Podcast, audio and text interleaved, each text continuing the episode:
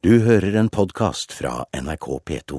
Ytringsfriheten til Anders Behring Breivik bør eh, kunne begrenses for å hindre at han inspirerer andre høyreekstreme fra cella. Det skriver du i Dagbladet i dag, Kari Helene Partapoli i Antirasistisk Senter. På hvilken måte mener du at ytringsfriheten til Breivik bør innskrenkes?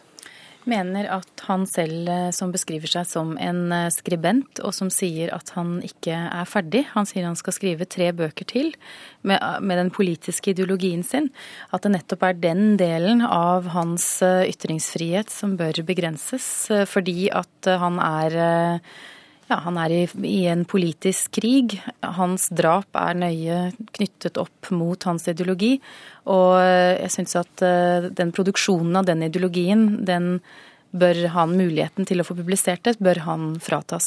Det er hovedpoenget vårt. Jon Wessel Aas, advokat i firmaet Bing og Hodneland. Er du enig med Parta Poli her? Nei, eh, ikke nødvendigvis. Eh, nå har jeg lest artikkelen som sto i Dagbladet i dag også. Eh, nå sa hun at hovedpoenget var å hindre at han skulle kunne utgi bøker.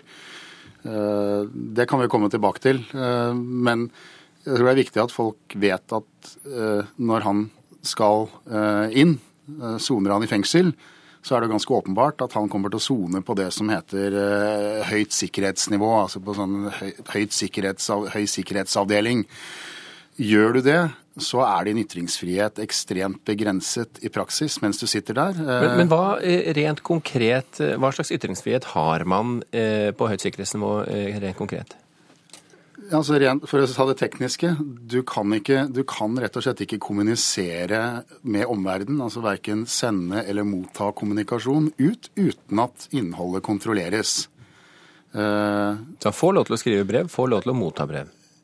Ja, det gjør det i utgangspunktet, men alt kontrolleres. så at Man kan jo kontrollere det for ulovlig innhold, f.eks. Om det er konspirasjon til altså ytterligere voldshandlinger osv. Eh, de kan også da til og med stanse, altså ikke slippe inn kommunikasjon til han, og ikke slippe ut hvis det innebærer altså en eller annen form for sikkerhetsrisiko.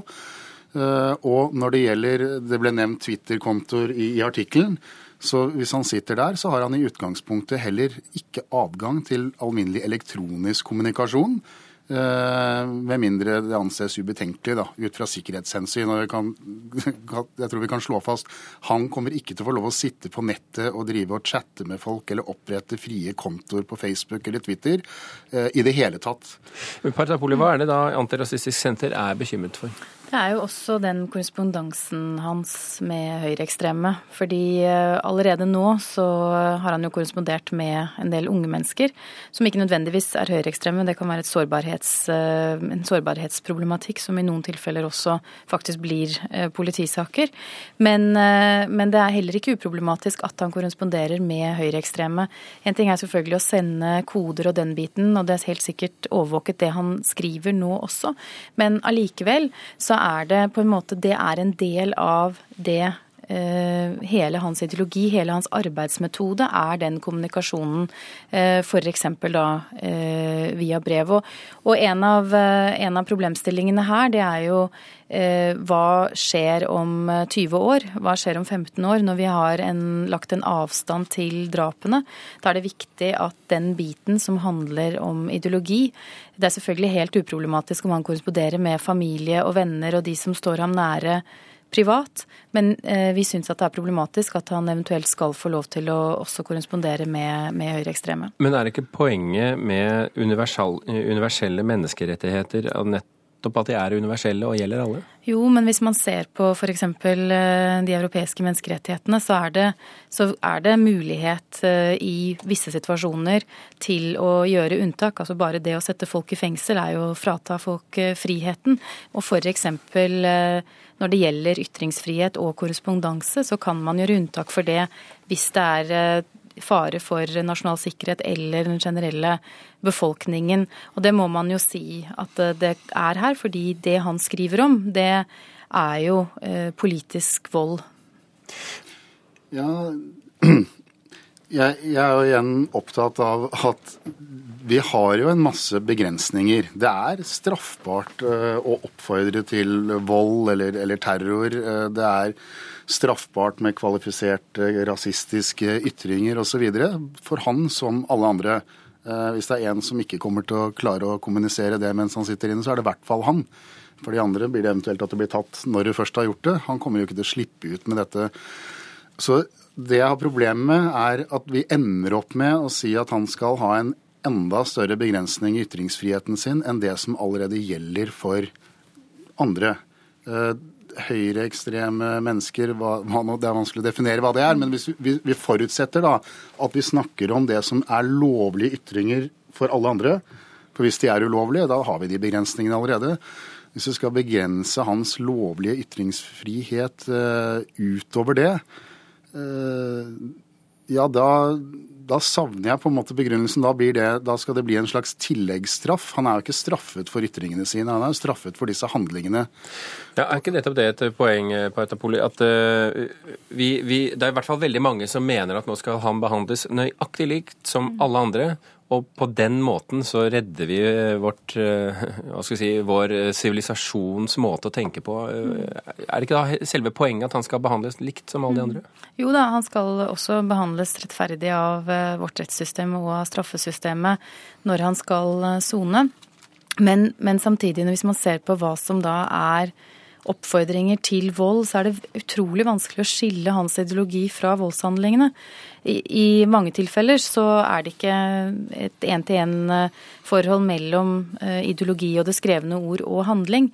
Men akkurat i Breiviks tilfelle så henger jo dette tett det, altså, du kan ikke skille det fra hverandre. Så da blir det jo selvfølgelig et definisjonsspørsmål hva som er oppfordring til vold, og hva som, som, ikke er det.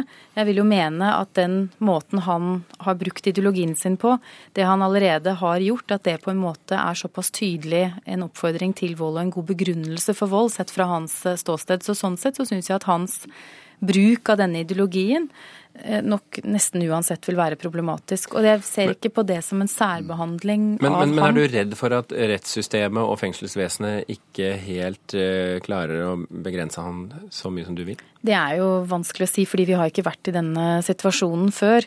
Så, så det, det, det, er uklart for meg hva, hva, man faktisk kommer til å gjøre. Det er vel uklart for, for alle. Er du, men, er du redd for dette, Wesselås? Eh, nei, det, det, er jeg ikke redd for. Eh, men det jeg er redd for, er igjen å ikke altså, heve blikket igjen og tenke prinsipielt hva er det vi snakker om her. Fordi hvis det er at du kan knytte en ideologi og ytringer innenfor den ideologien som i seg selv er lovlige, med eh, voldshandlinger i den ideologiens navn, mm. da er det jo folk på, på si, alle ender av den politiske skalaen som også i nyere tid har vist at de har vært villige til å bruke vold. Mm det blir veldig farlig. Altså, dette er en type er sikker på at ikke det er det som menes her, men dette er en type resonnement som brukes for å kneble opposisjonelle i veldig mange andre land. Ved at man sier at ja, ja, de har ytringsfrihet, men disse ytringene er så tett knyttet til en ideologi som også er villig til å bruke vold for å oppnå dem, så vi må begrense dem, fordi i praksis så oppfordrer dette til vold. Du må være veldig kort hvis du skal kommentere altså, Breivik er jo ikke en frihetskjemper eller en, eh, en, fange som knebles på den måten, men Breivik har skrevet 1000 sider med å motivere til vold, så i hans situasjon så er det bevist at hans ideologi eh, brukes til vold for ham selv. Kari Lene Patapoli og Jon Wessel Aas, tusen hjertelig takk for at dere kom til Kulturnytt. Du har hørt en podkast fra NRK P2.